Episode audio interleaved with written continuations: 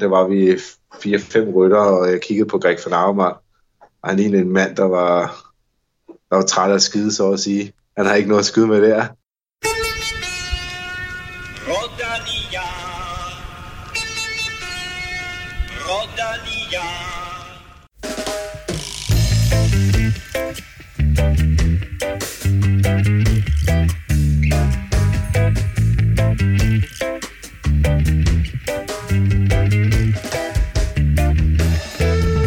Lørdag går Gio Detaljer i gang. Vi taler om det italienske etabeløb, om favoritter og naturligvis om danskere. Og øh, apropos danskere, så får Mikkel Honoré Grand Tour debut, når han stiller til start for det Køning Quickstep. Du kan høre fra den 22-årige debutant lidt senere. Vi har også et interview med Alexander Kamp, der sammen med rival Readiness leverede fire spektakulære dage i Tour de Yorkshire. Og så tager Marcel Kittel overraskende en pause fra det professionelle cykelcirkus. Hør historien lidt senere. I sidste uge kunne vi præsentere Destination Bornholm som ny partner på Velropa Podcast, og nu kan vi med glæde fortælle, at Odset fra Danske Spil også har set lyset. Lidt senere der kan du se frem til vores tre helt sprit nye formater, Velropas vinder, Plesners podie og Stefans staldtips.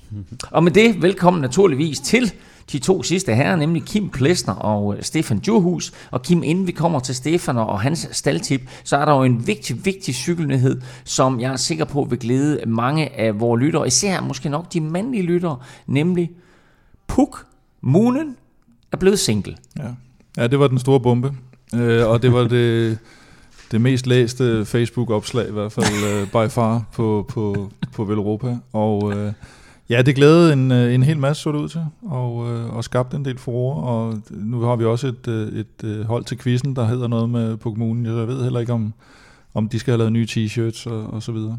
Jeg har indstillet min øh, Tinder-profil til øh, Holland nu, okay. og håber på at ramme ind i Pugmunen på et eller andet ja. tidspunkt. Og sidder du ude og tænker, hvem finken er Pugmunen, så google hende.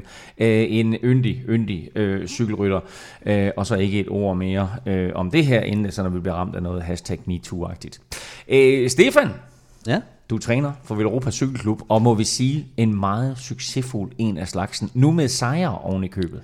Ja, efter øh, Kim han var, han var efter dem i, i sidste podcast, øh, så, øh, så måtte jeg lige slå et smut forbi øh, træningen der i søndags og, og gejle noget stemning op. Og, så fik de og det, øh, ja, der var, øh, der var, øh, der var afbetaling med straks, ikke? Øh, mm. Dobbeltsejr i DG's øh, cup ude i, øh, i Gørlev, ja. øh, hvor at... Øh, Morten Skødt, øh, Skytten, han får... Øh, han, får, han, skød, han, skød med skarpt. Han, skød, han, han skød med skarpt. Øh, så øh, flot sejr, og Kasper EK bliver toer, så det var dobbelt sejr derude. Ja. Så 1 og 2 for Velropa Cykelklub i øh, det, der hedder DGI Cup i, i Gørlev. Øh, super flot, og tillykke med sejren. Stefan? Jo, tak, og tak til Kim også. Ikke? Ja. Godt. Vi håber jo, at du er lige så skarp senere, når vi skal have dine staldtips, som du er som træner for Velropa Cykelklub. Sidder du derude og øh, synes, at øh, vores øh, cykelsnak er fuldstændig ligegyldigt, så vil vi ikke bede om at, at støtte os. Men hvis du sidder derude og synes, at den her ugenlige snak den er ret hyggelig, så kunne det være fedt, hvis du ville støtte Velropa Podcast på tier.dk. Det har 72 andre lytter allerede gjort, og tusind tak for det til alle sammen. Du kan også melde dig til på tier.dk eller følge linket på velropa.dk, og så donerer du dit valgfri beløb, hver gang der kommer en ny udgave. Og det der tier.dk, det staves med staves 10 med tal, og så er.dk. Du kan som altid finde Velropa Podcast på iTunes, SoundCloud, Spotify eller din foretrukne podcast-app til Android. Og så er det en god idé at abonnere på Velropa Podcast, hvis du ikke vil gå glip af et eneste afsnit. Og så vil vi altså rigtig gerne have, at du fortæller dine venner og bekendte om os, så vi kan komme ud til endnu flere cykelinteresserede danskere. Husk, at vi naturligvis er repræsenteret mere eller mindre på alle de væsentligste sociale medier. Du finder os på Twitter og Instagram på snablag Velropa og på facebook.com Velropa. Mit navn er Claus Elming.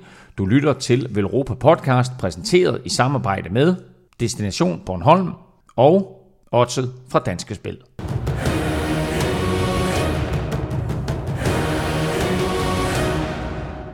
Mange spadede øjnene op, da Alexander Kamp overspurgte den senere samlede vinder Chris Lawless og OL-guldvinderen Greg van Avermaet på en hård og vindblæst etape i Tour de Yorkshire. Kamp kæmpede forgæves på søndagens afsluttende etape og endte lige uden for podiet, men han fik vist både sig selv og rival Readiness-trøjen frem på den store scene. Og det gør selvfølgelig ikke chancerne for en World Tour-kontrakt mindre for den skarpe dansker. Kim Plesner talte med Alexander Kamp om Yorkshire, om Froome og Van Avermaet et par dage efter danskeren lige havde fået tid til at få pulsen ned og fordøjet de mange indtryk. Det gik vel meget godt? ja, det ja. Ej, jeg kan ikke tillade mig at være utilfreds. Uh, vi, vi kører pisse godt på den etape, hvor der er sidevind. Uh, og får splittet sammen med Ineos. Uh, og og jeg tror faktisk, det er Ingers og os, der sidder med, med, med flest rytter i frontgruppen. Vi, vi, vi kommer godt afsted øh, og får samarbejdet godt i den der gruppe. Øh, Greg van Avermaet er der også, og Sky har jo har en del rytter, de kan spille på, ikke? men de vælger at køre spurten for ham lovløs. Og, og jeg laver en aftale med, med Stokbro og, og Vinjebro, at de skal prøve at komme, komme i en god position. Mm. Det er en rimelig hård spurt, der er masser af modvind. Så det handler om ikke at åbne for tidligt, fordi det er nemlig sådan en modvindspurt, især med, med den blæst, der var det blæst 10 meter i sekundet, og det var direkte ud til vandet, at, øh, at jeg ikke åbnede for tidligt. Så Dorles, han blev kørt, øh, han fik godt lige et out, og kørt over i venstre, øh, venstre side af banen, og så valgte jeg at stå over i den modsatte. Øh, og, og han, han, han skifter vejbane og kommer over, og jeg kan, jeg kan se, at han kommer faktisk lidt i læ af mig, men øh, med et par millimeter, så slår jeg ham på stregen. Øh, men, men, men jeg var stadig ikke helt sikker på, at jeg, at jeg havde vundet, så jeg ville ikke række hænderne i vejret. Nej, så Sanne Jakob fra TV2 kom og spurgte, hvad jeg har vundet. Det, der var lidt uklarhed, ikke? Øh, der skældte han sig den over radioen, og havde fået, fået at vide i rette tur, at jeg havde vundet, så, så udbrød vi jo bare i, i jubel, ikke? Det var en stor sejr, det der. Ja, det var i hvert fald øh, det rette selskab. Jamen det var det, du, du blev også spurgt om det der med, om det var din største sejr, og så begyndte du at tænke på DM og, og, og, og trøje, men det vi også har talt om, det er jo det der med, med den scene, man præsterer på, ikke? Altså hvem, hvem holder øje med det, og, og, og ja. der, der er det en stor scene, den der, selvom, selvom løbet i princippet er vel kategoriseret som Danmark rundt. Det er sandt. Det er fuldstændig rigtigt. Men når der er en olympisk mester til at starte, ikke? der er en Chris Froome og Sky til deres hjemmebane, ikke? Um, så, så betyder det bare meget. Mm. Øh, og, og kunne slå dem. Og jeg håber også, det baner vejen for nu, at jeg kan tage skridt op på World Touren, som vi også snakkede tidligere, mm. da vi snakkede der også tidligere, at øh, det var min målsætning.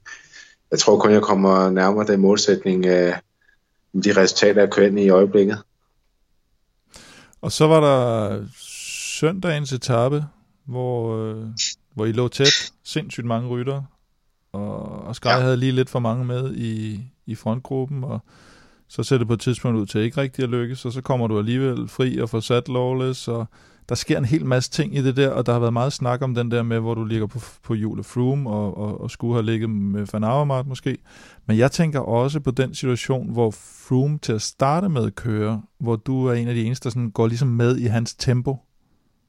Ja. Hvad, hvad tænkte ja, du der? Det var, det var ikke sådan, det var rigtig stejl, var de her 10% i gennemsnit, og da Froome han kører, det kan jeg godt se, puha. Og det, han, han, han kan trods alt godt køre, selvom han kører med løs ben. Jeg går altså på ham, altså en, en, en løs ben, det tænker jeg, det, det kan simpelthen ikke passe. Altså det regnede ikke der den dag, altså det, det kan jeg ikke tage seriøst. Men da han så åbnede op for gashåndtaget på stigningen, så, så fik jeg sgu alligevel lidt respekt for ham. han, kan, han åbnede op der, ikke? Ja, og det gik pænt stærkt. Øh, og da hans holdkammerat Dunbar, han slog kontraen, det, det, valgte jeg lige at kigge mig om. Det var vi fire-fem rytter, og jeg kiggede på Greg van Avermaet. Og han lignede en mand, der var, der var træt af at skide, så at sige. Han har ikke noget at skyde med der. Mm. Så vi, vi valgte lige at tage en dyb indånding, og så køre det rundt 10 ja. sekunder efter. men tror du, øh, men, men hvordan havde fordi fik du brændt for mange tændstikker ved det hug der, eller, eller havde du havde du det, der skulle til der, da du, da du ikke får kørt med Van Avermaet? Der sidder du bare forkert, eller hvad? Havde du stadigvæk øh, lidt i benene der? Jeg skulle køre med der, for Froome han kørte, men det er jo klart, det kostede jo, men altså alle os, som, som var fremme i klassementet, som kunne noget, de, de kørte jo alt, hvad de kunne på den bakke, så det var det samme. For, for, okay. Det var ens for alle. Øh, til sidst, det er, det er sådan lidt rundt på gulvet. Jeg har faktisk ikke rigtig øh, noget overblik. Jeg ved bare, at målstregen er ved 175. Og så får jeg at vide, øh, eller jeg tror, jeg får at vide, men jeg, jeg er simpelthen så træt, at stigningen er 4 km. Øh, det, det jeg så tror, det, det er, det er, der er 4 km hen til stigningen på et tidspunkt. Men kilometer går så stærkt, at jeg, jeg får bildet mig selv ind, at den er 4 km. Så jeg sætter mig på hjul af Froome, fordi han kørte så stærkt på den her stigning, øh, 15, 15 km for enden. Og så angriber Van Aumart, og jeg ser Lortes på hjul og siger, jamen det der, det der tempo, det kan, det kan man simpelthen ikke holde i 4 km. Det er umuligt. Øh, det, var så kun 1 km. Og det på toppen, så var jeg sådan, fuck. Og så, så, så der nogen, nu må jeg fandme køre med. Hvad fanden er, hvor fortsætter det hen? Det kan godt være, det er sådan et plateau, det her. Fordi det var sådan stejlt, og så var det noget plateau mange gange i Yorkshire. Men, men lige pludselig gik det bare nedad. Det, det er simpelthen løgn, det her. Øh, nu, nu, nu er vi jo fandme, nu, nu kører vi ned mod mål. Og så, går jeg, så havde jeg ikke kræfterne til at lugte, men det var jo en kæmpe amatørfejl fra min side, at jeg, jeg sidder i sådan en koger øh, midt, midt i finalen af et cykelløb. Øh, og jeg har jo siddet og kigget på det før cykelløb, men i kampen når du træder, træt, og ja, så kan man hurtigt bare miste overblikket. Det gør jeg i hvert fald. Jamen, kan du, kan du prøve at forklare lidt det der? Fordi for sådan nogle øh, småtykke mennesker som mig selv og andre, der sidder og lytter til podcast, det der med, at man netop som du siger, ja det er klart, hvis du sidder og ser det på tv, og så, så kan man være både klog og bagklog, og, men når man sidder der på limit, og altså, hvor, meget, hvor mange procent af hjernen er der tilbage, der, der, kan, der kan tage de der fornuftige beslutninger, eller, eller hvordan fanden styrer man sådan noget? Det, det eneste, man tænker på, det var, det er, det, det, det gør sgu lidt ondt i benene, men det må det fandme også gøre på de andre. Det kan simpelthen ikke passe, at jeg er den eneste, der er ondt i benene i det her selskab. Så jeg prøver ligesom at bilde mig selv ind, at de andre, de må også øh, have ondt i benene. Og det er jo sådan en mental kamp med ham og selv, og du begynder at snakke med dig selv, og og hvornår kommer næste stigning? Ah, der, og så hører man noget i radioen, den, er, den kommer om de her de kilometer, den er så lang, ikke?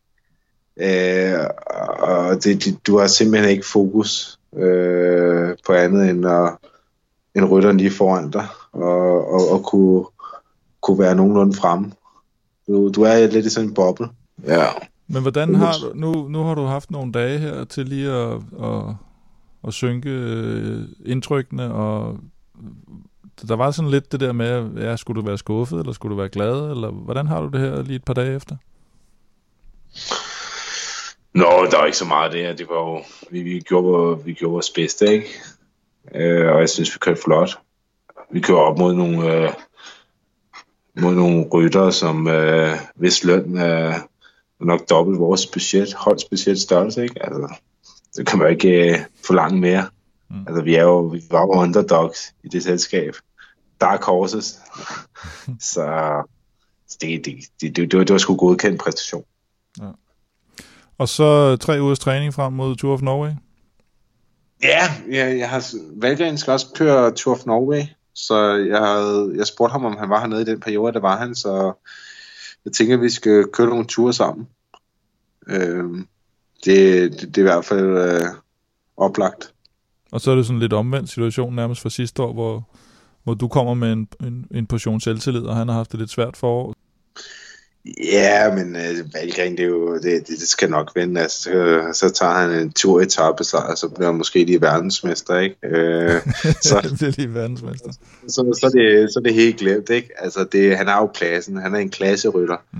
Så det der, det går op og ned i perioder. Det er bare med at komme ud af det. Han var lidt uheldig med noget sygdom, og fik ikke taget den pause, han skulle have taget, og, og det, det er jo igen sådan noget, så, så lærer man det, ikke? Øh, han det, han er sgu bare en god fyr, og, og kan, kan godt lide at træne. Ikke? Øh, så det, det er en god fyr at, at have som træningsmarker. Og så har du kørt lidt recon for ham over i Yorkshire, kan man sige? Ja, jeg tror godt, han kan blive verdensmester. Det, det er en hård rute, der, er rimelig teknisk, der er en del sving, og det går sådan lidt op og ned. Så det skal nok blive opstødende over 260-70 km. Og det skal du hjælpe ham med, eller hvad? Ja, det må Sparen og Slåen om. det, det var, han, han, han var jo nede på caféen her for, hvad er det, godt en uge siden, og han sagde i hvert fald, at, at uh, det han lagde næsten mest vægt på, når han udtog holdet, det var dem, der var motiveret for opgaven. Jamen, det, så kan jeg da godt understrege, at jeg er meget motiveret for at køre VM i Yorkshire til september. Øh, men jeg vil godt vide det i god tid. Det er anden gang, vi har Alexander Kamp med. Vi har ham også med for et par episoder siden, efter det flotte resultat i Copa i Bartoli. Og her der fortalte han om sine ambitioner for forårssæsonen, og hvordan han ønskede at opnå dem. Og man må bare sige, Kamp har leveret. Stefan, hvor vigtig var den her etappesejr i Yorkshire? Jamen, den er jo, den er jo rigtig vigtig, som, som Kamp han også øh, sælger inde på, øh, og som vi har snakket før, så handler det jo også om at præstere øh, i det her selskab. Øh, fordi at at nogle gange, så den bedste måde at sælge sig selv på, det er at, at, at køre op med nogle af de her verdensstjerner, eller slå dem endda, som, som Kamp også gjorde på den ene etape. Øh, nogle gange, hvis man, hvis man præsterer i, i nogle af de mindre etabeløb, hvor der ikke er nogle af de store stjerner med, så bliver man ikke bemærket lige så meget, så, så den er rigtig vigtig for ham at, at få med. Men som Kim også siger i interviewet, så det her løb figurerer sådan set bare i godsøjne på samme niveau som øh, Post Danmark rundt.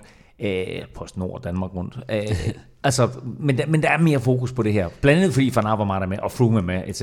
Ja, præcis. Altså nu, øh, Kamp han har jo også altid kørt godt på, på Kidesvej-etappen i, i Vejle, øh, som, som er den hårdeste etape i Danmark rundt, men, men altså, man kan sige, han, han har ikke fået en kontrakt på, på de resultater øh, indtil videre, så, så man, kan jo, man kan jo måle det lidt op. Og så at der er jo heller ikke nogen øh, Van Havermaet eller Froome med. Øh, Men han har vel sagtens heller aldrig været skarpere, end han er, han er lige nu. Nej, præcis. Altså de resultater, han, han begynder at hive ind nu, det er, det er det bedste, han har kørt. Øh, så kan man altid diskutere, hvem, hvad, hvilken, som, som Kamp også siger, det er svært at vælge øh, hvad for en han, han bedst selv kan lide, men, øh, men jeg tror, at det, de her resultater, han har lavet i år, det er dem, der giver størst genlyd ude i, i World Touren.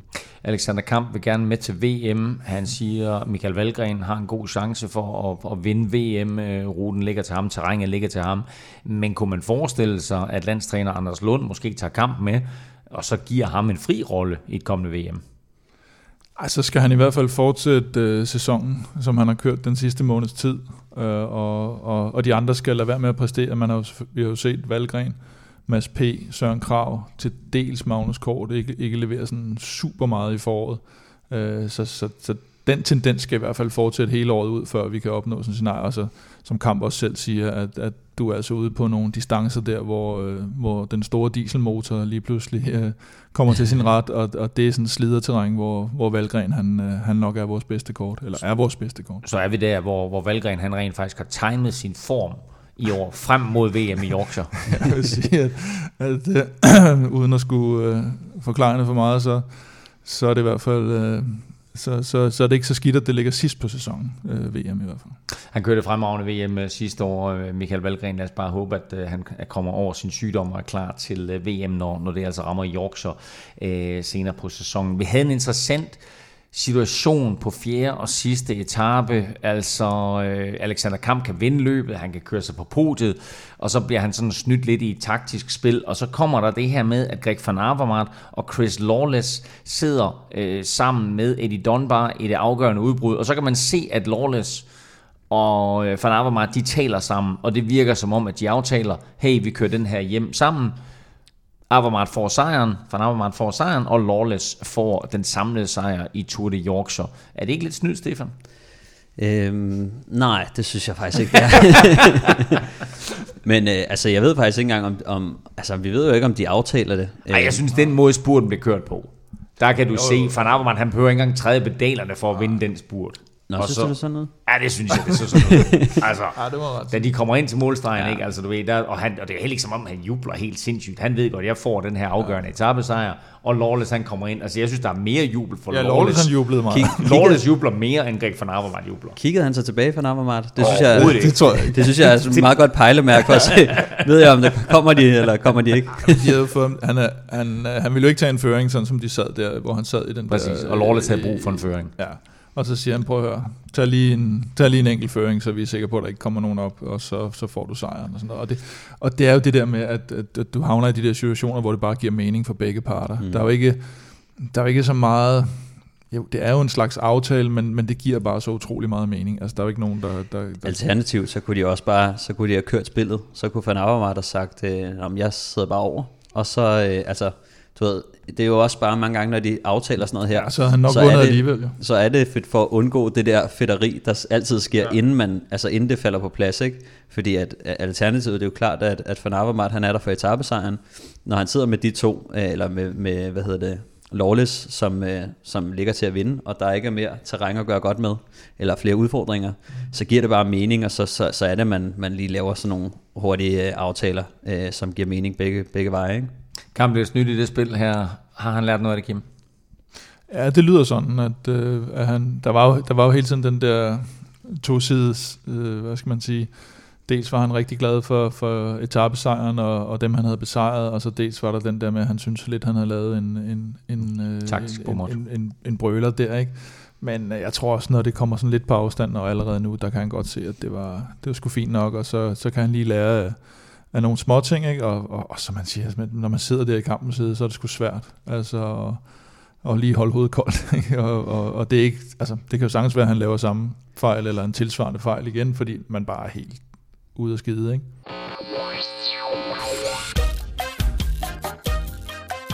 Vi skal runde romandiet rundt, vi skal tale Giro detaljer, så har vi stadigvæk den her øh, sjove historie, eller sjov, sjov men i hvert fald en historie med øh, Marcel Kittel.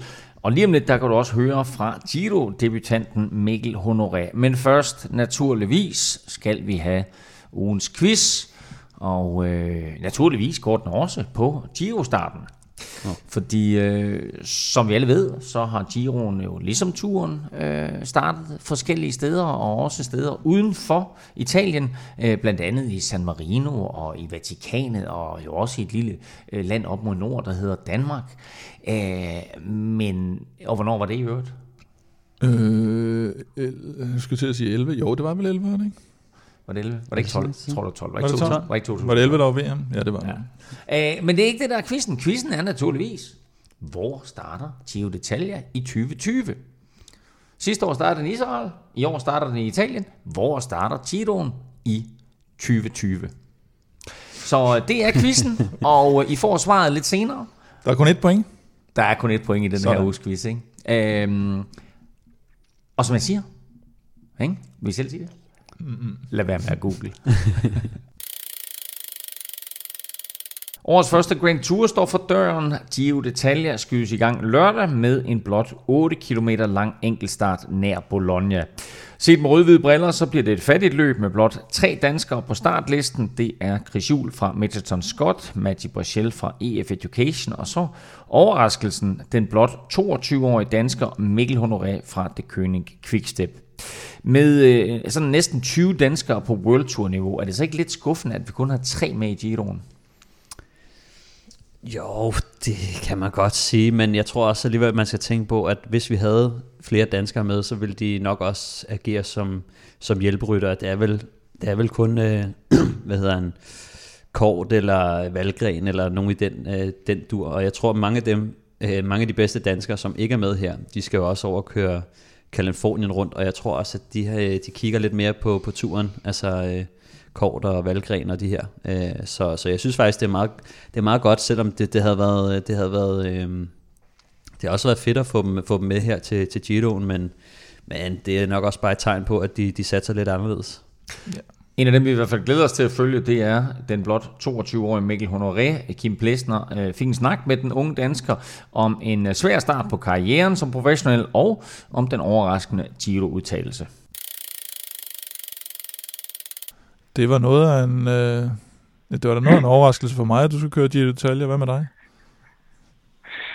Jo, men det, det var det også øh, for mig første gang, jeg, jeg hørte, at jeg overhovedet var inde i, i spillet til det. Øhm, fordi at ja, vi sad jo i, i december og snakkede program og så videre, og det var i hvert fald ikke planen, at jeg skulle, skulle køre Giro d'Italia der.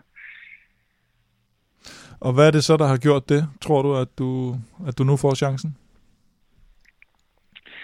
Jo, men jeg tror, jeg har gjort det øh, rigtig godt i, i, hvad hedder det, i Baskelandet rundt og, og efterfølgende i, i Ardennerne. Og så selvfølgelig betyder det også, altså jeg tror egentlig Sivhold var, var på plads førhen, og, men så det er jo klart, da, da Iljo han røg ud og, og brækkede, hvad hedder det, albuen, så, så skulle der findes en ny men stadigvæk der var jeg jo ikke inde i, i spil til det, altså, for jeg, jeg, var, jeg tror, jeg var ikke inde i, der var jo nærmest en, en prototop på måske 15, 15-16 rytter, som jeg, som jeg ikke var, var med i. Så det begynder næsten at minde om den måde, øh, Askren han har kørt sig frem i hierarkiet i, i forårsklassikerne. Ja, ja det kan det gør, altså måske også ligesom han kørte sig til, til Vueltaen sidste år, det tror jeg heller ikke, han, han egentlig havde, havde regnet med før han. Men hvad hedder det? Sidst vi talte med dig, hvis jeg tør og nævne ja. det igen, ja. der gik det jo ikke. Altså, vi har jo den, vi har jo lidt den, uh, synes jo egentlig, vi havde en erfaring med, at, at de folk, vi taler med, der, der plejer at gå dem rigtig godt. Øhm, ja. Det var sgu ikke lige tilfældet. Du, du kom ned til Australien og, og kom vel egentlig okay i gang med, med, med et løb dernede, og, og hvad skete der så? Jeg kom okay i gang med, med to etaper, og så fik jeg, ja, så røg jeg helt i kælderen med, med 40, 40-41 i feber i, jeg tror næsten i 10 dage. Så nåede jeg lige at blive klar igen. Øh, køre en, to, to, to, tre træningsture, og så køre, hvad hedder det, Cal Evans. Øh, men det var klart, at efter den hårde sygdom, så tog det rigtig lang tid at komme, komme op på mit niveau igen, fordi at ja, jeg var bare ja, helt færdig i, i en god periode efterfølgende, og så fik jeg så lov at holde øh, til, at, til at få en god træningsperiode på, jeg tror det var 4-5 uger måske, hvor jeg tog på, på højde træningslejr og, og fik kørt en masse god træning og var rigtig motiveret og, og kom så i, ja, altså kom de i, i god form igen nu. Ja, fordi det man jo har hørt fra nogle af, af rytterne her i foråret, både øh, Peter Sagan, men også øh, måske specielt Michael Valgren, er jo det der med, at man, ja. man får noget sygdom tidligt, og så får man måske ikke så meget lov til ligesom at pleje den sygdom, fordi der er, er forventninger til en, der man er en stor stjerne på et nyt hold og så videre. Øh, men, men der får du altså lov til at, at, at, at holdet, og de siger, nu, nu, nu tager du lige stille og roligt. Ja, Jamen, det er måske, fordi jeg, jeg ikke er nogen, uh, nogen store stjerner, der ikke er det store pres på mig. Det ved jeg ikke, men det, det er meget professionelt og seriøst holdt, at jeg fik den, den, den tid til at komme tilbage igen. Fordi det, det tager noget tid, og som jeg tror alle kan sige, om det er Sagan Valgren, også i øvrigt Søren Krav og har haft noget mm. sygdom fra Algarve. Øhm, de alle sammen ved, at når, på det her niveau, at du så bliver syg, så er det bare ja, sindssygt svært at, at komme tilbage igen øh, i ordentlig selvfølgelig. Altså, man kan godt komme tilbage igen i en måske en nogenlunde form, men at være med helt på toppen, det, det er rigtig svært, øh, altså hvis vi snakker i, i forårsklassikerne, ikke? Jo, man kan men, sige, så øh, siger ja. du, at at du får måske lov til det lidt mere, fordi du er lidt ny på holdet og så videre, men, men der har man jo også set før, at hold, de bare er lidt ligeglade med netop de nye rytter og siger, så, så kaster vi dem bare ud i alt muligt lort, ikke? Øh, og, og bliver kanonføde. Lige præcis, så man bliver kastet fra højre til venstre, ikke? Og, og egentlig ikke har noget program som sådan. Det var sådan lidt det, jeg egentlig umiddelbart havde, havde forventet også, fordi at det er sådan, det er jo helt uden sammenligning, men det var sådan, det var som første års U23-rytter på, på Lotto Sudals øh, uh, U23-hold, hvor man bare sådan røg lidt til højre og venstre, ikke fra hvor der var en rytter, der var skadet, så kom man derhen. Men øhm, ja, der, der må jeg sige, at ledelsen på vores hold er, er super professionel og, og virkelig god til at tage god hånd om, om unge rytter, og det er måske også derfor, de indtil videre har haft så meget succes med det. Ja. Og så gælder det Giroen. Øhm, du, det er jo lige før, du ikke har nået at, at tænke over forventninger og så videre, men har du, har du fået noget videre holdet i forhold til din rolle, eller, eller, eller holdets strategi? Øh, der er noget Bob Jungels, der er noget Viviani.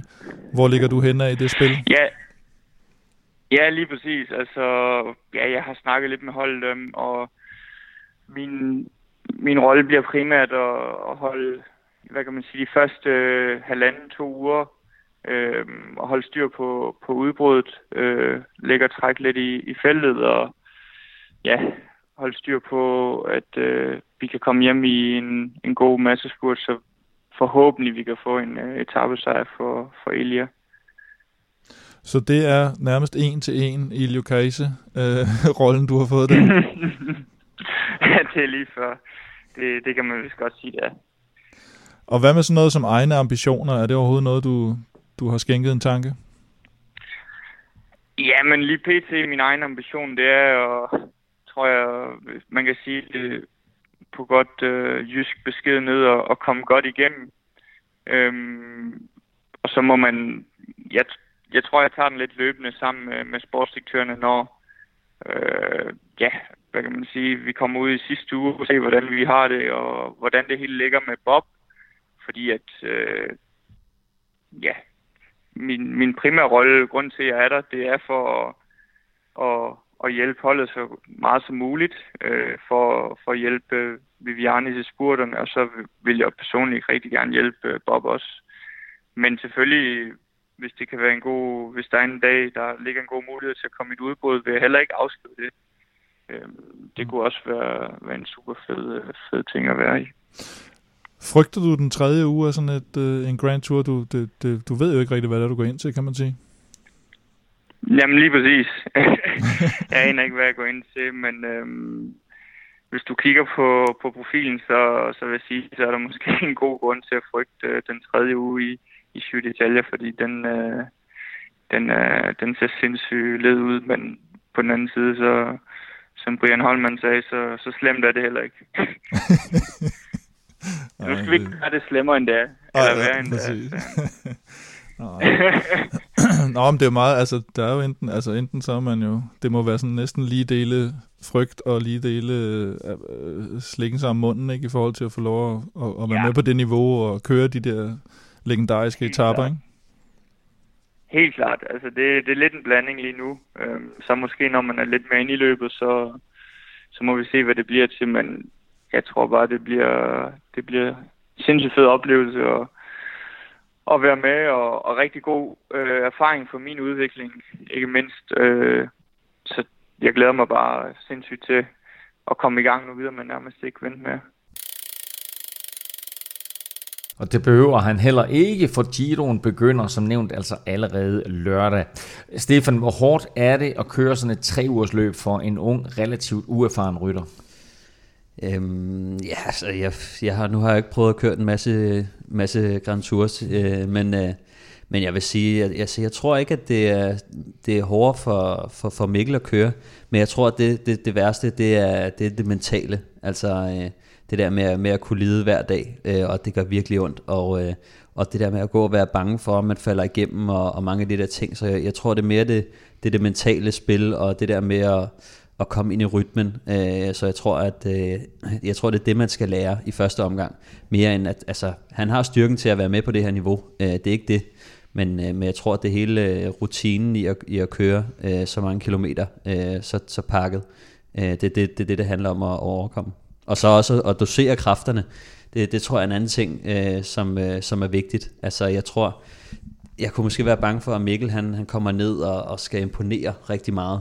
Han, han skal jo nok sættes til, til at lave det her øh, i arbejde, mm. som, vi, som, som Kim også øh, nævnte i interviewet. Øh, men jeg, jeg tror, det er vigtigt for ham, at han måske forholder sig lidt konservativt, i stedet for at nogle gange så, som ung rytter, så man gerne bare imponere. Så og specielt i den første uge, som, som byder på mange udfordringer, kunne, kunne, kunne, det, kunne man sagtens øh, lige pludselig blive taget af stemningen, og så skal man lige pludselig give, gøre en ekstra indsats og lige hente øh, den der gruppe her, og måske et, øh, en ny gruppe og så videre. Og Men så, er det ikke netop den, der er farligt for ham, at han kommer til? Fordi den måde, den her Giro den er struktureret på, så er det sådan med, at de første 14 dage, mere eller mindre, de første 14 etapper, det er sådan øh, fladt og bakketerræn, og så mm. kommer der altså lige en uge med bjerge. Så kunne man ikke risikere, at han er helt smadret hvis han har kørt sig selv for hårdt de 14 mm. dage, og når han så rammer bjergene, så går han helt kold. Jeg, tror, jeg tror, det bliver det, der bliver nøglen, og netop også, hvor meget pres Quickstep kommer til at lægge på ham i, i netop den rolle. Og der har man jo så set i forhold til hans sygdom, at der har de jo været meget gode ved ham og lavet ham tage den tid, det tager. Og man må håbe, at de også, øh, at de også ligesom ser til ham her, at, at det er altså en ny professionel. Det er ikke i Kajse, de har, eller Lars Bak, eller sådan en eller anden, de har sat, sat frem der. At, øh, men det er jo også noget med, at han selv siger til, går jeg ud fra, ikke? At, øh, at han selv siger, okay, nu kan jeg ikke mere, i stedet for at, at, at bare blive ved, selvom han øh, er kørt fuldstændig i smadret. Så det er den balance, der bliver afgørende for, om han har noget at skyde med i den sidste uge, tænker jeg. Øh, nu nævner du det, og Mikkel nævnte det også, det her med, at Quickstep havde givet ham god tid til at komme øh, tilbage fra sygdom. Øh, altså, det, virker som, det, det, det er sådan lidt overraskende, men, men burde det ikke være sådan for alle ryttere på alle hold? Jo, jo, jo i den ideelle verden, men, men det har vi jo også talt om, at, at så er der netop de der store stjerner, eller en, der skal have en ny kontrakt, eller en, der netop har fået en ny kontrakt som valgren, der, der, der lige pludselig bliver betalt en hel masse penge, og, og ikke føler formentlig, at, at, han kan sige nej, eller hvis, hvis øh, han skal gøre noget for holdet, og så tager man lige den der ekstra, som man ikke burde have gjort. Øh, så, så der er jo sikkert masser af tilfælde, både hvor rytteren selv synes, at nu skal jeg lige vise noget, eller at holdet simpelthen øh, lægger et kæmpe pres på, og ikke har forståelse for enten en ung rytter, der lige skal nøses lidt frem, eller at de ikke får noget ud af at brænde en stjerne fuldstændig ud, øh, inden, inden halv sæsonen er gået. Mikkel han øh, skal jo køre for Elia Viviani øh, på de første øh, mange etaper, øh, og så er det så meningen, at han skal hjælpe Bob Jungelse. Øh, men hvis nu Bob Jungelse han er helt væk, så kunne det jo godt være, at Mikkel fik en fri rolle. Der er også på en etappesejr, mm. faktisk fra Dansk Spil. Odds for Dansk Spil har givet odds på en etappesejr til Mikkel. Hvad, hvad siger vi til det? Hvad, hvad, hvad ligger det på? Det, ligger på 100. Det ligger simpelthen Oddsen. på 100? Ja, det ligger på 100. 100 for en uh, debutsejr i Giroen ja. til Mikkel Honoré. Ja, det er fedt, ikke? Ja. Er det, er, det, er, det, uh, er det noget, vi overvejer? Ja, Nej, er det fedt, er det fedt, synes du? Synes du, det er lavet? Jeg synes, det er fedt. Du synes, det er fedt? Ja, det er godt at give lidt mere. Okay, så der er ikke de store chancer for, at han får en etappesejr? Nej, det synes jeg ikke. Øh, jeg synes egentlig, jeg synes rent faktisk godt, 100 er lidt lavt på, på det, fordi sandsynligheden for, at netop du ved, at han ikke bliver træt af at køre i de første to uger for Vianney, og at Jungels ikke skal være der, og så det, at han får chancen, og det, at han så skal gribe chancen, og det, at han skal ramme det rigtige udbrud, og han skal vinde etappen, der er sgu lidt langt, ikke? selvom øh, det kunne være super, super fedt, hvis ja, det skete. Som du siger, altså den, den rolle, som han, som han bare er låst i, altså ja. det, og, og der er så meget kvalitet i, i Quickstep-truppen, at, øh, at det bliver svært for ham at, at, at bryde ud af det. Ud af ja. det. Ja, og så specielt når han skal sidde og bruge så mange kræfter på at hjælpe, så mindsker det også bare de muligheder og de kræfter, han, han skulle bruge øh, til, at, til at gøre det. Han er debutant, han har masser at se til i, i den her Giro. Måske så kan han læne sig lidt op af de to andre danskere og spørge dem lidt til råd omkring, hvordan man gebærder sig øh, i sådan et, et tre ugers løb. Øh, Chris Juhl og øh, Mati Brachel er de to andre øh, danskere, som vi har med på startlisten indtil videre, og det lader altså til, at det er den endelige startliste, så altså kun tre danskere med her. Hvad bliver Chris, øh, Chris Juhl og, og Mati Brachels roller? Ja, men Chris Juhl bliver jo, bliver jo Simon Yates. Øh, det hold er bygget fuldstændig op om ham. Øh, han var, øh, hvad var det, tre etapper fra at, at vinde den sidste år, og vandt Vueltaen og så jo usandsynligt stærk ud i de to og en halv første uger nærmest af, af, af Giroen, og jeg tror også, vi sad og talte om, at der, der er ikke noget, der kan stoppe ham der, altså det, det kan slet ikke lade sig gøre. Og så, så havde han alligevel spillet for meget med musklerne. Så der bliver han helt klart låst i den rolle, og der skal ske et eller andet med, med Simon Yates, at, at han skal udgå eller styre det, eller, eller noget andet forfærdeligt, for at, øh, at de må sadle om, og så får, så får alle rytter på ringer til Adam og siger, at du skal komme ind over. ja, præcis. Ja, præcis. Så har de jo selvfølgelig altid den i baghånden. Ja. Og Matti, Matti, han skal jo køre for, for Sasha Modelo, øh, så, så det handler om at placere ham i, i, en, i en god position øh, i finalerne, og måske hjælpe ham øh, i, de, i de kuperede terræn, hvis, hvis der skal køres op igen mm. øh, og så videre, ikke? Så, så det bliver, det bliver hans Jo, man kan sige, at han har måske lidt større chance for at, at få, altså fordi Modolo skal selvfølgelig ikke køre på, på de etapper, der ikke ligger til en, til en spurt, eller mm. en, en, en, en spurt for de hårdføre sprinter, så der, hvis er, det ren, hjælp, er, det, er det ren hjælperoller det her, eller er der en chance for, at vi kan se uh, Chris Juhl eller Mathieu Brachel tage en etape? Chris Juhl bliver er fuldstændig låst, hvis det er, at alting kører efter planen. Han kommer slet ikke til at gå i noget som helst uh, udbrud, tror jeg. Mathieu, mm. det, det kan godt lade sig gøre, alt efter hvor hans form er efter, efter forårsklassikerne, og fordi de har, hvad er det, de har? Kanger, Dombrowski, Hugh Carthy.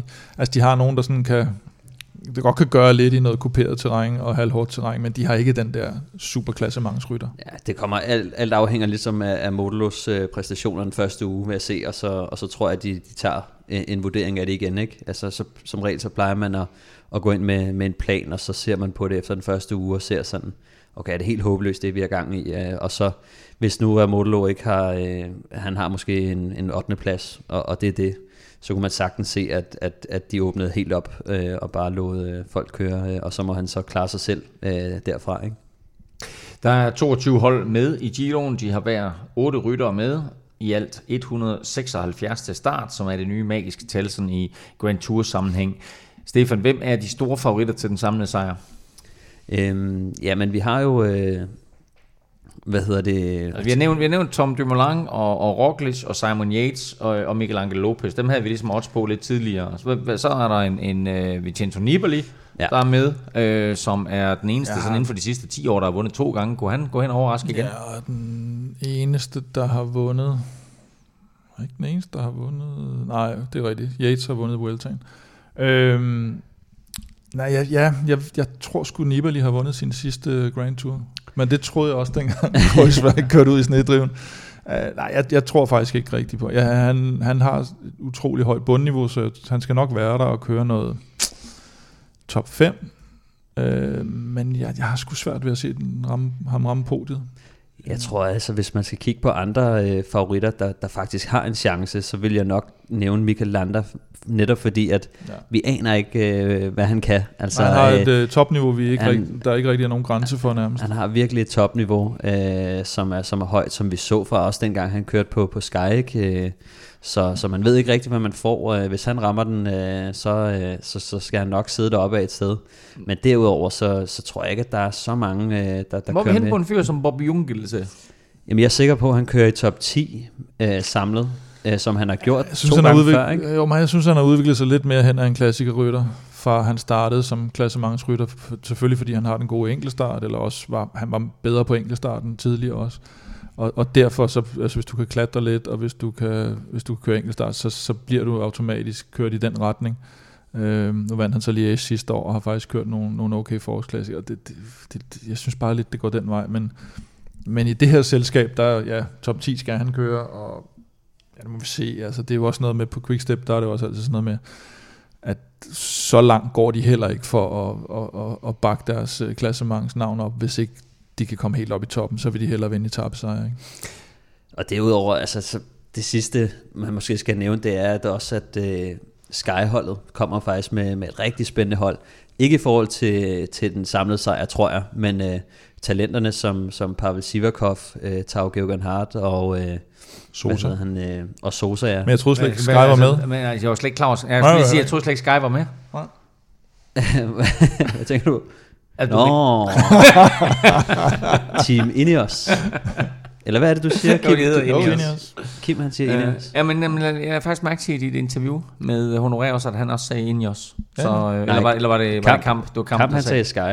Så, han sagde, ja, han sagde, han sagde faktisk, bare, faktisk både Sky og, øh, Nå, okay. og Ineos.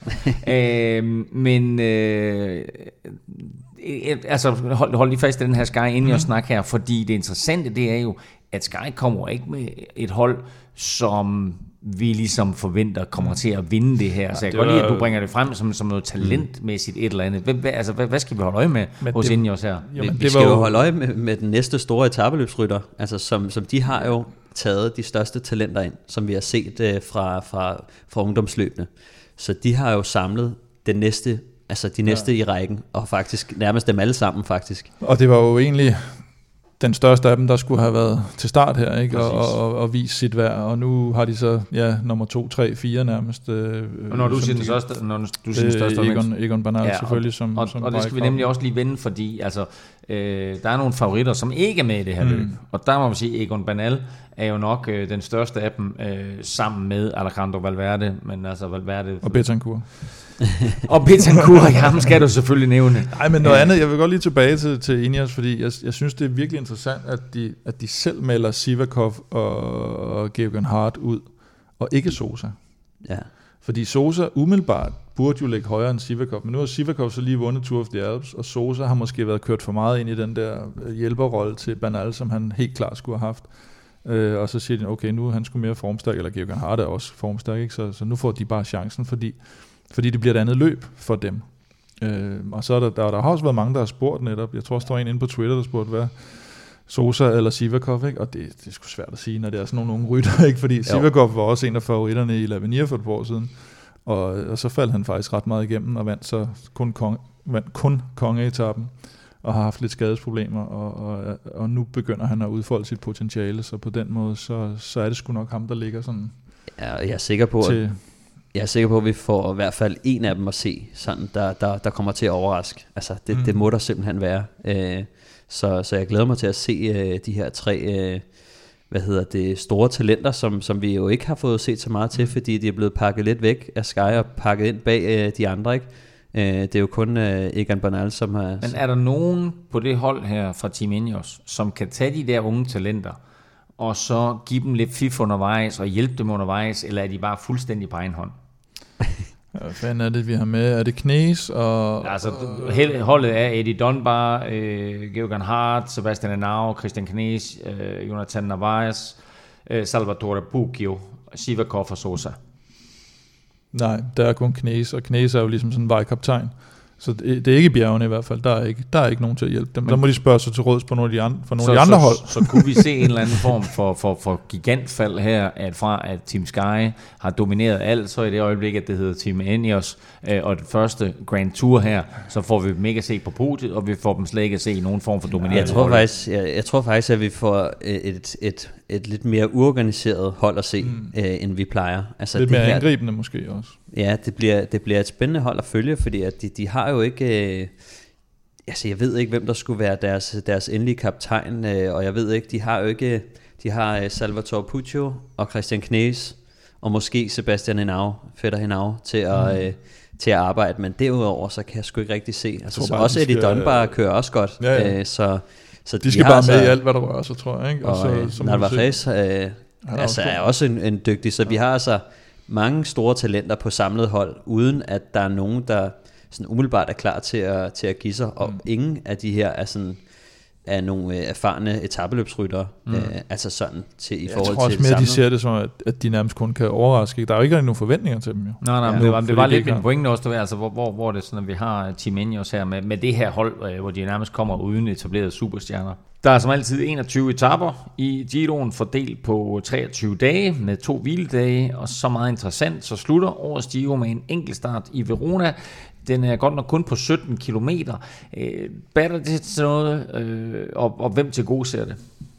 Øh, jamen, jeg tror, at øh, normalt så vil man jo sige Tom Dumoulin, som jo er tidligere verdensmester i, i enkeltstart, og, og Primoz Roglic, som jo excellerer i det her efterhånden også. Men jeg tror ikke, at altså, derudover så er der også en Simon Yates, som jo, som jo har, er blevet bedre og bedre til at køre enkeltstart, og, og når de så til med også er kuperet, så, øh, så bliver de frataget lidt den her sådan helt specialist. Altså, øh, så, øh, så, så der, man kan, man, jeg tror ikke, at der er nogen af, af de der bjergfavoritter, øh, Lopez, øh, nogle af de andre, så de, de kommer til at komme forholdsvis godt igennem, øh, i forhold til, hvis det var en flad enkeltstart i hvert fald. Så jeg tror ikke, at det, det bliver ikke, det, selvfølgelig bliver det afgørende, men, øh, men jeg tror godt, de kan, de kan hænge nogenlunde med på de her øh, enkeltstarter, fordi de er alle sammen kuperet. Men det er også fedt, Kim, at i modsætning til Tour de France, hvor 21. etape er sådan en parade-etape, og øh, løbet reelt set bliver afgjort på 20. etape, og vi ser dem sidde og skåle og så videre i, i, i hver deres trøje på vej ind mod Paris, og så skal det hele afgøres på Champs-Élysées, så er der faktisk noget at køre om på 21. etape i Giroen. Jamen, det er de ikke så meget for i Frankrig, efter, efter Fignon han tabte 8 sekunder til, til Greg LeMond. Øh, ja, selvfølgelig, og det, det, det synes jeg også, at det, det, er en, det er en fed måde at afslutte det på, specielt selvfølgelig, hvis det ligger nogenlunde lige, og, og så kan det blive ret spektakulært, fordi som Stefan siger, de, er, de tre der er, er okay lige på, på enkeltstarter efter, jeg tror Simon blev top 10 på den første enkeltstart sidste år, og, øh, og vi ser det jo også mange gange, det der med, når der er gået tre uger, så er det lige så meget, hvor meget der er tilbage, hvad formen den siger, øh, som, som, øh, som tempoegenskaberne, som selvfølgelig giver en fordel, men som bliver udvisket lidt. Mm. Der er øh, seks øh, sådan deciderede sprinteretapper på de første 12 dage, og vi kunne faktisk godt se endnu flere etapper inde i en masse spurt. Vi har øh, hørt, at Honoré han selvfølgelig skal øh, passe lidt på og hjælpe Elia Viviani, men hvem skal vi ellers holde øje med af sprinter? Ackermann. Ackermann, naturligvis. Pascal Ackermann. Pascal Ackermann, ja. Han, han, han vinder en etape eller to. Altså Viviani giver sig selv, øh, men, men Gaviria har jo vist igen også et, et, et, et sindssygt højt topniveau. Så hvis han kommer i topform, så, så kunne jeg godt forestille mig, at han tog flest, faktisk, øh, sprinter. Okay. Tror du det? Gaviria er foran øh, Viviani? Ja, det tror jeg faktisk. Så han har, han har været lidt øh, ja. under radaren, kan man sige, med, med som jeg kan se her. Øh, har sparer sig lidt. ikke rigtig, hvad han sparer sig lidt. øh, en anden plads i, i Dri Daxe Di Panne, endagsløbet der. Øh, Et hårdt løb, ja. Øhm, men ellers er der sgu ikke rigtig så meget ved det, så, så, men det bliver spændende at se ham der. Caleb Ewan er, er en anden øh, god kandidat, som, som, som jeg tror godt kan, kan drille Viviani og, og Quickstep-toget lidt. Så har vi en Arnaud Demar, som sådan øh, er lidt on-off. Ja, og han plejer, han plejer jo ikke at vinde så mange, medmindre han kører det der løb, som Mads P.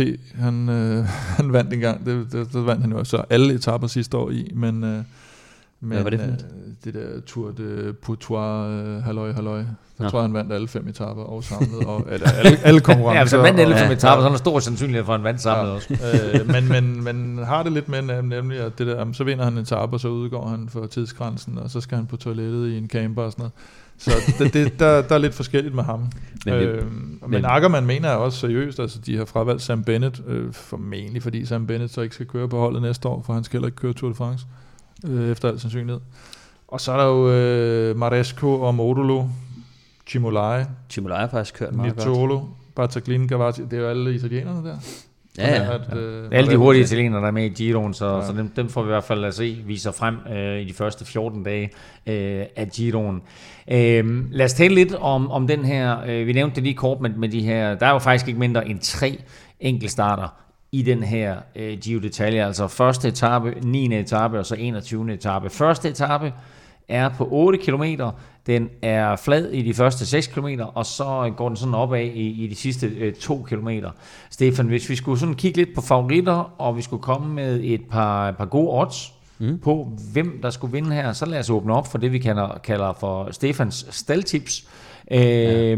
hvem, hvem, hvem skal vi satse på her øh, til at vinde den første enkeltstart? Jamen, øh, jeg tror, at... Øh, nej, måske skal vi starte på, øh, på, på Vel Europas vinder. Øhm, ja. Fordi at øh, vi, vi, jeg tror, vi alle sammen er enige om, at, at Primoz Roglic, han, øh, han kommer blæsende ind i den her, øh, det her Giro. Og, øh, og, og det bliver svært at ikke at, at have ham som, øh, som favorit. Øh, og øh, vi har et odds på ham, som hedder... Hvad hedder det? 1,65. 1,65. 1,65. Og det er vel at mærke, det er vel at mærke det, vi kalder et boosted odds, det vil sige, der er kommet lidt ekstra oveni for posen, i posen fra, fra øh, danske spil på odds der. Det er vel europa -oddset. Det er Velropa Special, og går man ind på øh, oddset og glider helt ned i bunden over, over odds, så ligger der altså faktisk en Velropa Special dernede i bunden. Og øh, der er tre mm. øh, boosted odds. Den ene, det er, at øh, Roglic han vinder enkeltstarten til 1,65, men så er du faktisk også kommet med et ekstra bud, øh. Ja. nemlig at hvis vi får en lille overraskelse, så er der faktisk et kanon godt bud på Tom Dumoulin. Ja, jeg synes, det, det, det er faktisk ret vildt, at, at uh, Tom Dumoulin han ikke er, er favorit i det her. Uh, jeg har siddet og kigget lidt på, på matchups mellem de her to, og uh, i de, de har kørt uh, nogle enkelte starter mod hinanden. Altså, de har jo hver især vundet mange, men i de løb, hvor de har kørt mod hinanden, der står den 6-3 til Tom Dumoulin. Og man skal huske, de seneste tre har Tom Dumoulin også vundet. Mm. Uh, han er en specialist i det her. Større end uh, Primoz Roglic, Der er som bare jeg ser det. specialist i alt. Han er, bare, han, han er specialist i at vinde.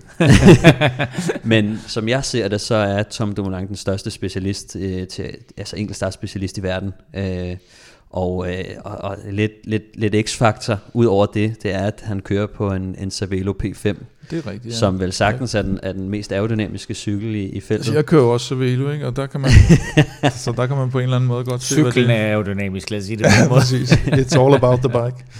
Godt. Men, Men, øh, øh, men oddset på øh, Dumoulin er også boostet, og det er faktisk helt op på øh, 5,5, så et vanvittigt, 5,5. flot, vanvittigt flot odds for, øh, for en sejr til, til Dumoulin her. Men jeg tager jo også 5,5. Øh, Hvad tager du 5,5 for? Jeg tager bare 5,5 på øh, Jungels i top 3. Øh, og hvad er det? Er det, er det på enkeltstarten? Ja. Så okay, så vi har altså tre boosted odds her ja. På enkeltstarten. Vi har Roglic til at vinde til 1,65. Vi har Dumoulin til at vinde til odds 5,5. Og så siger du, at Bob Jungelse Ja, jeg tænker, han kører i hvert fald deroppe af, og så må ikke han lige få smidt en, en eller anden af podiet. Så øh, fem, I hvert fald fem, til- fem, til fem, fem halv og på, at Bob Jungels han kommer på podiet. Ja, så altså tre, tre gode odds for odds på danske spil. Ja, og den, den her, øh, den her øh, enkeltstart, den, øh, den er jo ret interessant, fordi at den slutter jo med den her 2 km rampe, så det bliver også lidt spændende at se, om de skal ud i et cykelskift, eller, eller hvad de gør her. Altså, det, det, kan, det, det kan der nogen, Ja, der det kan er gøre. frisk på 8 km, vil jeg sige. Det er frisk, men altså, hvad, jeg ved ikke, jeg har hørt, der er nogen, der, der, der nævner det rundt omkring, Okay. men øh, jeg, jeg tænkte selv ikke, at, øh, at 8 det ville... km og cykelskifte. Det er alligevel voldsomt. Ja, det Jamen, virker du, du kører to kilometer op med Ja, næsten det ja, 10 rigtigt. procent i snit. Altså, ja. det er alligevel noget at, at hive sådan en øh, sådan, sådan par, par pladehjul med henover. Ja. Men Roglic, han kører bare på, øh, på bjergcykel hele vejen hen. Det skider det, han det på. kan også være, at der er nogen, der Ja. ja. vælger sådan en, øh, en, en hybrid. Spar, spar han skiftet, ja. Jeg foregreb begivenheden lidt, øh, lidt lige før, fordi jeg kaldte på, på Stefans staldtips, men du har faktisk et helt andet staldtip til øh, årets Giro. Ja, vi har jo, øh, vi har jo det her, øh, vi sad og kiggede lidt på, øh, på Oddset, som har de her øh, specials også, øh, som er nogle, de kun selv udbyder. Og der var en på, øh, på at øh, Mitchelton Scott, de ville, øh, om de ville vinde mere eller mindre end halvanden etappesejr. Og der er det altså, vi, øh, der er det, jeg skyder på, på, at de vinder over, fordi de både de har Simon Yates, som vandt, jeg ved ikke, hvor mange øh, Så etappesejre. de skal bare vinde to etapper i årets To etaper så eller går det her odds hjem. Lige præcis. Og de har Simon Yates, som jo, altså jeg ved ikke, hvad han vandt, han fem. Øh, Ah, jeg tror, han vandt tre, og så gav han Chavez en, ikke? præcis. Og Chavez, øh, som du netop nævner, han er også med. Ja, han kan også godt ske at Han få kan en. også godt køre, øh, køre lidt opad. Så, øh, så det synes jeg er, er et rigtig pænt odds. Vi får odds øh, 1, Ja, faktisk odds 2,0. 2,0. Mm. 2,0. Ja, men det er meget godt også. Så, øh, så det, den synes Det jeg er værd at kigge på i hvert fald. Mm. Så det var Stefans staldtips, og så har vi faktisk også noget, vi kalder Plæstners Podie. Ja. Og det er simpelthen en, en rytter, øh, Kim, som du vælger, der, der ender på podiet i Verona i år. Altså en, en, øh, efter de 21 etapper. Hvilken rytter synes du, der giver det bedste odds for at komme på Ja, podiet? altså man kan, ja, det gør ham, der giver det højeste odds selvfølgelig, men, øh, men, men Han skal også gerne ende øh, odds, odds skråstreg, øh, chance for at komme på podiet, ikke? Hovedet på blokken. Øh, og Roglic og Dumoulin, det giver 1,35, 1,45, Yates giver 1,60, så det er, det er meget, meget lidt set over tre uger, så, så vi skal jo nok ned og kigge i anden række, og, øh, og der vil jeg sige, lander til odds 4, øh, hvis man alligevel skal, skal gå udenom de tre første, fordi jeg ser faktisk de tre første også, ligesom danske spil gør, at de er kæmpe favoritter til podiet, øh, Roglic, Dumoulin og Yates. Men skal man gå derudover, så, så vil jeg prøve at kigge på, hvem der måske har højst topniveau, og det, der vurderer egentlig Landa har det. Jeg er bare i tvivl om, hvad, hvad det er, han kommer med. Men hvis han kommer med sit bedste niveau, så kører han også på podiet, tror jeg. Jeg sagde tidligere, at Miguel Angel Lopez, han kommer, Jamen, til, at vinde, det- han kommer til at vinde det løb. han Han, giver faktisk vinde tre Miguel Angel Lopez for at, øh, at komme på podiet. En af de rytter, vi ikke får glæden af i Giro d'Italia, og måske ikke lige forløbet, det er Marcel Kittel. Den tyske sprinter meldte tidligere i dag ud på sin egen hjemmeside, at han har bedt om at få ophævet sin kontrakt med Katusha Alpecin. I en pressemeddelelse, der fortæller han, at han ikke føler sig i stand til at træne eller konkurrere på højeste plan i øjeblikket. Han afviser ikke at komme tilbage til cyklingen og takker sit hold for støtten gennem det sidste halvandet år. Kim, hvad skal vi lægge i det her? Ja, men det, det begynder at blive lidt problematisk, synes jeg, med, med, med Kittel, fordi han, han har lidt været den tur igennem før, øh, da han var hos, hvad fanden hed det dengang? Det hed Giant Shimano eller et eller andet i den stil, og, øh, og der, der var det lidt noget bøvl også med, at rygterne om, at han havde fået en depression, og lige pludselig stoppede han lidt med at køre for holdet, og så, skulle han, så blev han reddet, eller hvad skal man sige, quickstep. Quickstep. De fik øh, rettet lidt op på det mentale hos ham, og vandt han fem etapper i turen, da han, øh, da han kørte for dem. Øh, og så skulle han lige pludselig til, videre til et andet hold, og, og så er det lidt samme historie igen. Så jeg tror, der er måske mange, der bliver lidt bange for at tage ham ind nu, kunne man forestille sig, når han, når han har lavet det trick der et par, par gange. Ikke? Stefan, hvordan øh, kommer han tilbage fra det her? Jamen, det, det ved vi jo ikke, om han gør. Altså, øh, altså det ser ud som om, han, han nu, nu har vi jo ikke hele øh, baghistorien endnu, men, men at han simpelthen har været han er træt og udkørt, øh, og han har brug for en pause. Og jeg tror også, det, det er noget af det, der kan ske, når man, når man som rytter ikke præsterer, og det bliver forventet, og, og det er bare nederlag på nederlag på nederlag, og man føler, man gør alt, fordi at det seneste, jeg hørte, var, at, at han var topklar til i år, øh, og han havde trænet som aldrig før, og Sabel var ind over med noget østtysk det, var træning, det, og det var det, Wirtz sagde, Ja, vi havde ham igennem. Ikke? Øh, Wirtz han sagde, at han, han så virkelig oplagt ud og sådan noget, Mm. og, og, og så lige pludselig, så, så knækker den for ham, og, og, og jeg ved ikke, øh, altså det, det bliver også svært, hvis han nu øh, er for udkørt og, og ikke har lyst til at træne.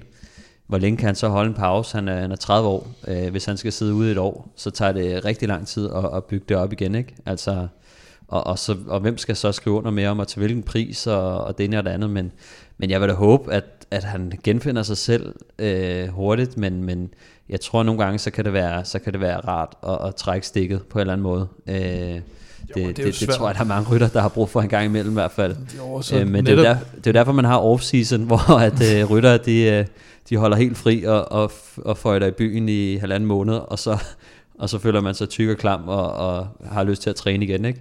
Så det kan jo være... Men har det været at, lidt hans problem faktisk også, at han er blevet for stor?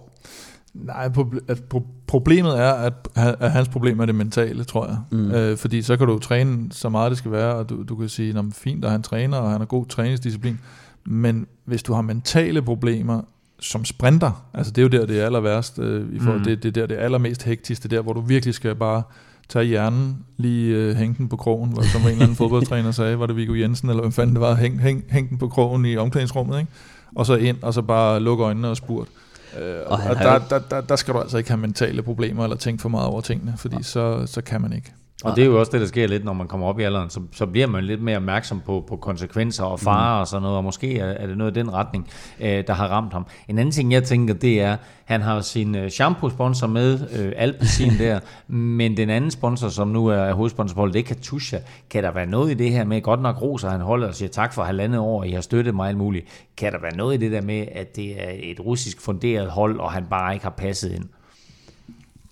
Ja, altså det, det, hvis man ser på holdets resultater og sådan generelt performance, så er der jo ikke så meget, der, der har spillet for dem, må man sige. Øh, Men er det de, ikke de også et spørgsmål om, at måske er han kommet ind og skulle være den mand, der gav dem de her sejre, og pludselig så leverer han ikke de sejre, og så bliver der en eller anden form for dårlig stemning?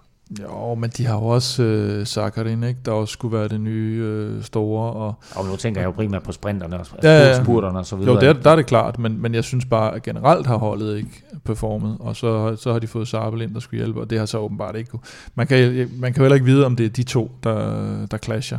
Øh, to forskellige typer måske, der der lige pludselig siger, og, og hvor Kittel så siger, men okay, hvis det skal være på den her måde, så, så bliver det ikke bedre. Uh, han har brug for nogle andre, der kan tage sig af mig.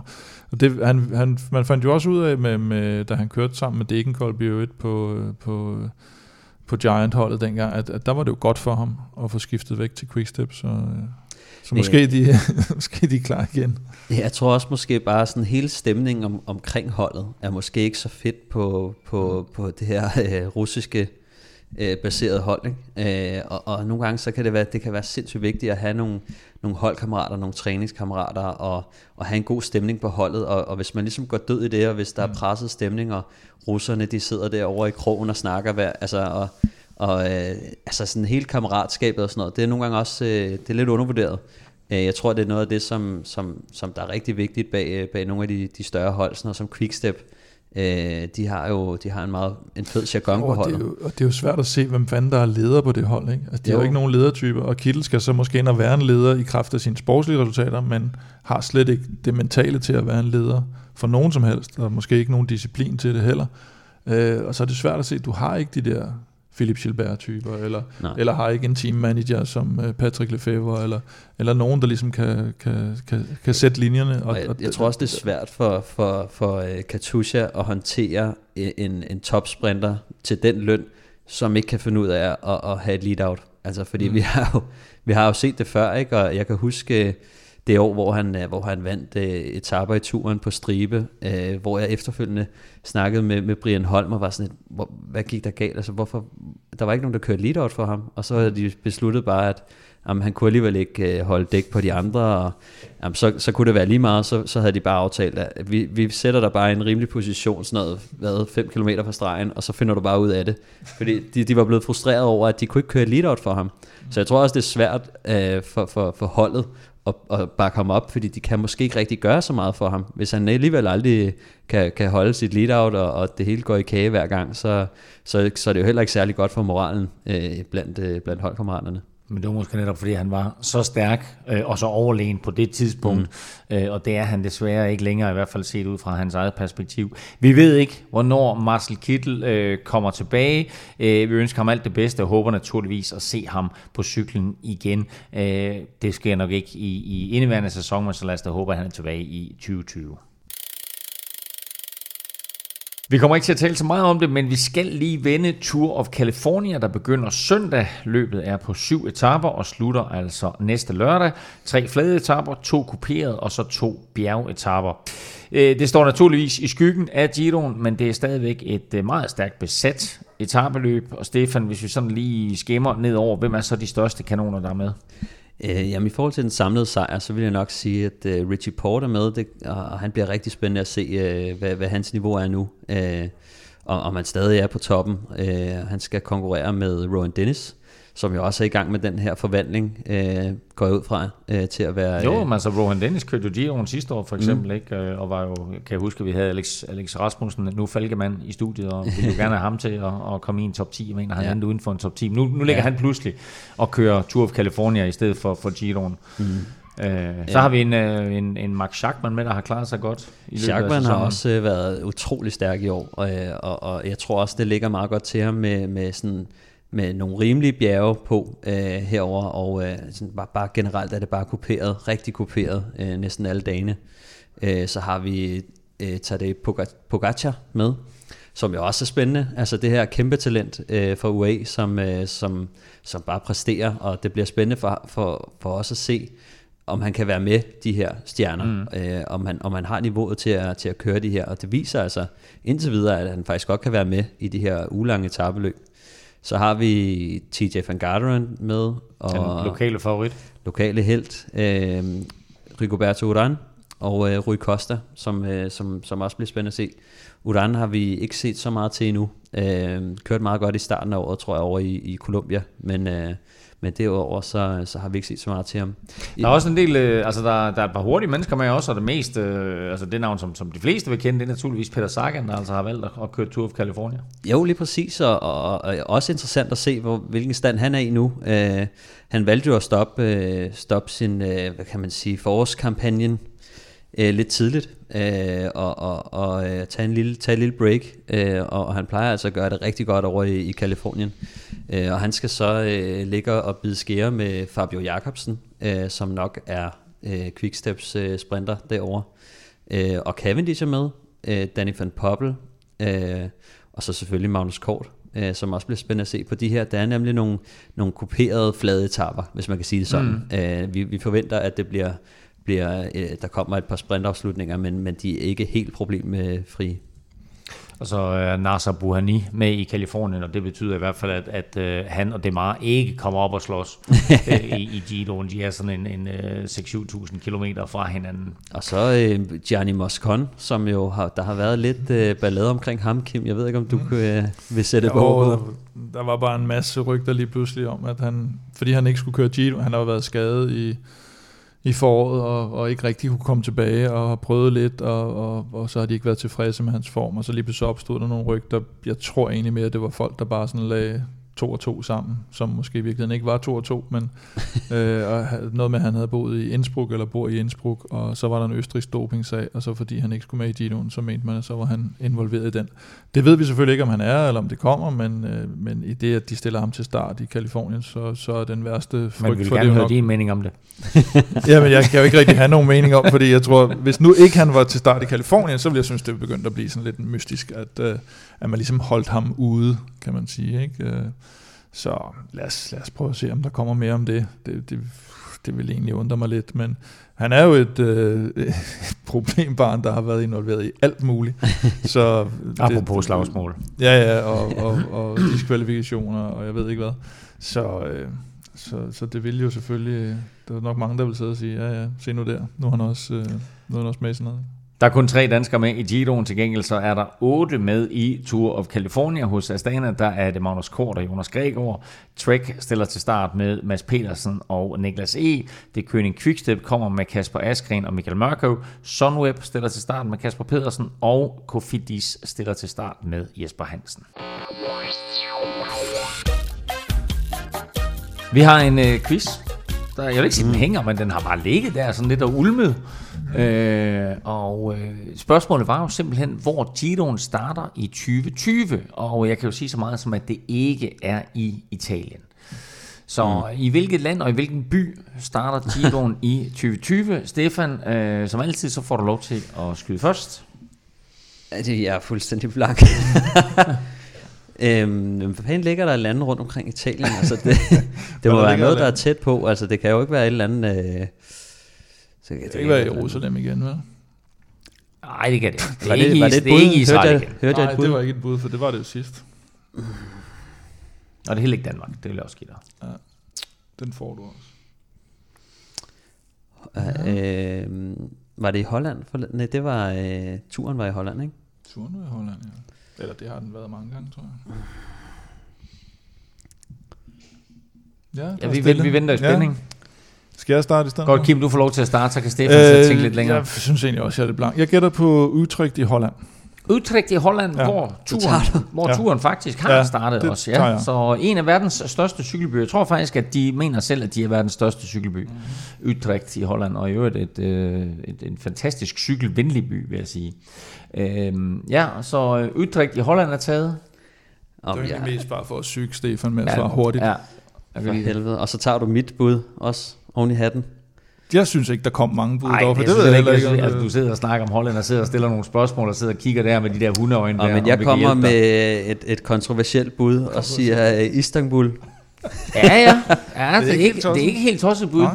Øhm, det er ikke korrekt. Øh, nogle af dem. Nej. Øh, jeg vil hjælpe jer lidt og fortælle jer, at øh, det er sådan en sammensat by. Øhm, og det er sammensat af to ord. Og begge ord betyder faktisk ovn på hver sit sprog. Åh, ovn. Så byen hedder faktisk Ovn Ovn. Okay. Byen er delt af en flod, der går ned igennem. Hedder på... Budapest. Og Kim Plesner tager den. Budapest. Så er det ovn. Buddha betyder ovn, og pest betyder ovn, så byen hedder faktisk ovn ovn. Men det er fuldstændig rigtige svar, det var Budapest. Det er jo den eneste by i verden, hvor så, en flod går øh, igennem. Så vi, vi, vi fik altså en øh, konkurrence her, hvor, øh, hvor Kim, du, du, får, du får pointet. Jeg giver dig pointet. Ja, Øh, og synes jeg er dermed, så er udbygger du ferien. Du er den første til 15 i konkurrencen. Ja. Jeg tror, jeg mener, det står 15-10 nu mm. i, i dit favør. Øhm, men øh, altså, nu, har, nu har du bedt og bedt og bedt Stefan om at få nogle spørgsmål, som er inden for øh, den, altså inden Det er for det din, fremtiden, din, simpelthen. din For levetid, ikke? og- og det præcis. er ikke, det, er, det er det her ikke. Det er i fremtiden lige pludselig. Nå, I to, I kæmper ikke om noget, og det gør man som sådan heller ikke, hvis man øh, støtter øh, os på tier.dk.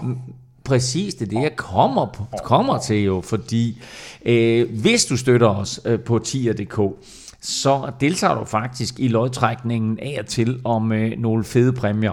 Der er som sagt 72 allerede, der har været inde på tier.dk og støtter os. Beløbet du støtter med er valgfrit, og du donerer hver gang vi udgiver en ny podcast. Og øh, næste gang vi trækker lod om præmie, det er når vi rammer 100 øh, glade donorer, øh, og vi gør det på den måde, at man simpelthen får lodder i puljen efter øh, hvor mange 5 kroner man har doneret, så altså har du doneret 10 kroner, så får du altså to lodder i puljen, og det vi trækker lod om, det er en Veloropa kasket fra Pølisumi til en værdi af 149 kroner. Vi trækker lod om præmie ved 25 og ved 50, og altså nu igen, når vi rammer 100, der er kun 28 derop, så øh, skynd dig at melde dig til enten på tier.dk eller følg linket på veloropa.dk. Og apropos Veloropa.dk og Veloropa i det hele taget, og Veloropa Café, Kim, så forventer jeg lidt, at du har lyserød GT er klar i, i weekenden. Ja. Hvordan ser det ud? Det ser godt ud, Det ser, ja, det gør det. hvis vi husker at købe det. Nå ja, det vil Men da være en fordel. Ja. Men der er, øh, der er Giro start og lyserød GT. Er det både lørdag og søndag? Det er kun søndag. Kun De søndag. starter, de kører simpelthen for sent til køre hviletidsbestemmelserne. øh, Nå, det er okay, det er en sen øh, ja, enkeltstart De lørdag. er færdige, hvad? Og det er ved 8, 8 okay. 9 eller sådan noget, tror jeg, Ja. de er færdige. Ja, Så, øh, så der er caféen lukket selvfølgelig. Ja, ja. Der Ja, det er ikke- det er ikke normal mørkt, café. Nej. Nej, det er det ikke. Du Så søndag, Søndag, ja. der er der normal åbningstid. det er der. Der er cykeltræning søndag morgen. Allerede 8.30 åbner vi jo. Sådan. Og så er der lyserøde GT'er, så har man brug for at pleje lidt lørdagstømmer, men så kom ned og øh, fyld kroppen med lyserøde GT'er og se den første rigtige etape i Giroen på caféen. I starten af udsendelsen, der talte vi om den flotte dobbeltsejr til Velropa Cykelklub i Gørlev. Stefan, hvad er de næste opgaver for holdet? Jamen, øh, vi skal ud og køre øh, Chelsea rundt den øh, søndag den øh, 16. juni, og så er der også øh, cykelstafetten her øh, den 25. maj, så, øh, så det, det ser lyst ud. Drengene er ved at være i form, og, og der er selvtillid på, så, så, så det, det bliver fedt. Og hvordan er, er holdejer øh, og indpisker øh, Oleg Plesner tilfreds, eller øh, stilles, stilles der større ja, krav til holdet? Sjø begynder at blive tilfreds, og vi, vi sagde, at vi skulle have nogle podiepladser, og vi har ikke engang fået en top 10, og nu begynder det at, at se fornuftigt ud. Et opvarmningsløb selvfølgelig, men, men Chelsea rundt, øh, jeg mener på en måde, Stefan har lovet en sejr der. Hvad, hvad er kriter- altså, altså, øh, Kriter- der er ikke noget, der, det er bare sejr. Det er bare så. sejr i begge Ja, to? Bratberg skal ikke vinde det lort mere. det, Og skulle du derude have lyst til at komme ud og se, om det rent faktisk lykkes for Stefans tropper at vinde Sjælsø rundt eller cykelstafetten, Eller støtte os, så så, så vi kan lave aftaler med dem. Så kan du Stil op, for fanden. Jeg stiller op. Nå, du, du kan komme ud og kigge, eller du kan faktisk også selv cykle med, og det er altså Sjælsø rundt den 16. juni og cykelstafetten den 25. maj. Så gå ind og find ud af, hvordan du tilmelder dig et af de to løb. Oleg Plesner og Velropa kan du følge på både Twitter og Instagram. Det sker på snablag Velropa. Stefan er at finde på snablag Stefan Djurhus. Og undertegnet kan du følge alle steder på snablag NFL Ming. Tak for nu. Tak fordi du lyttede med. Tak til vores partner, Destination Bornholm og Odset. Arrivederci.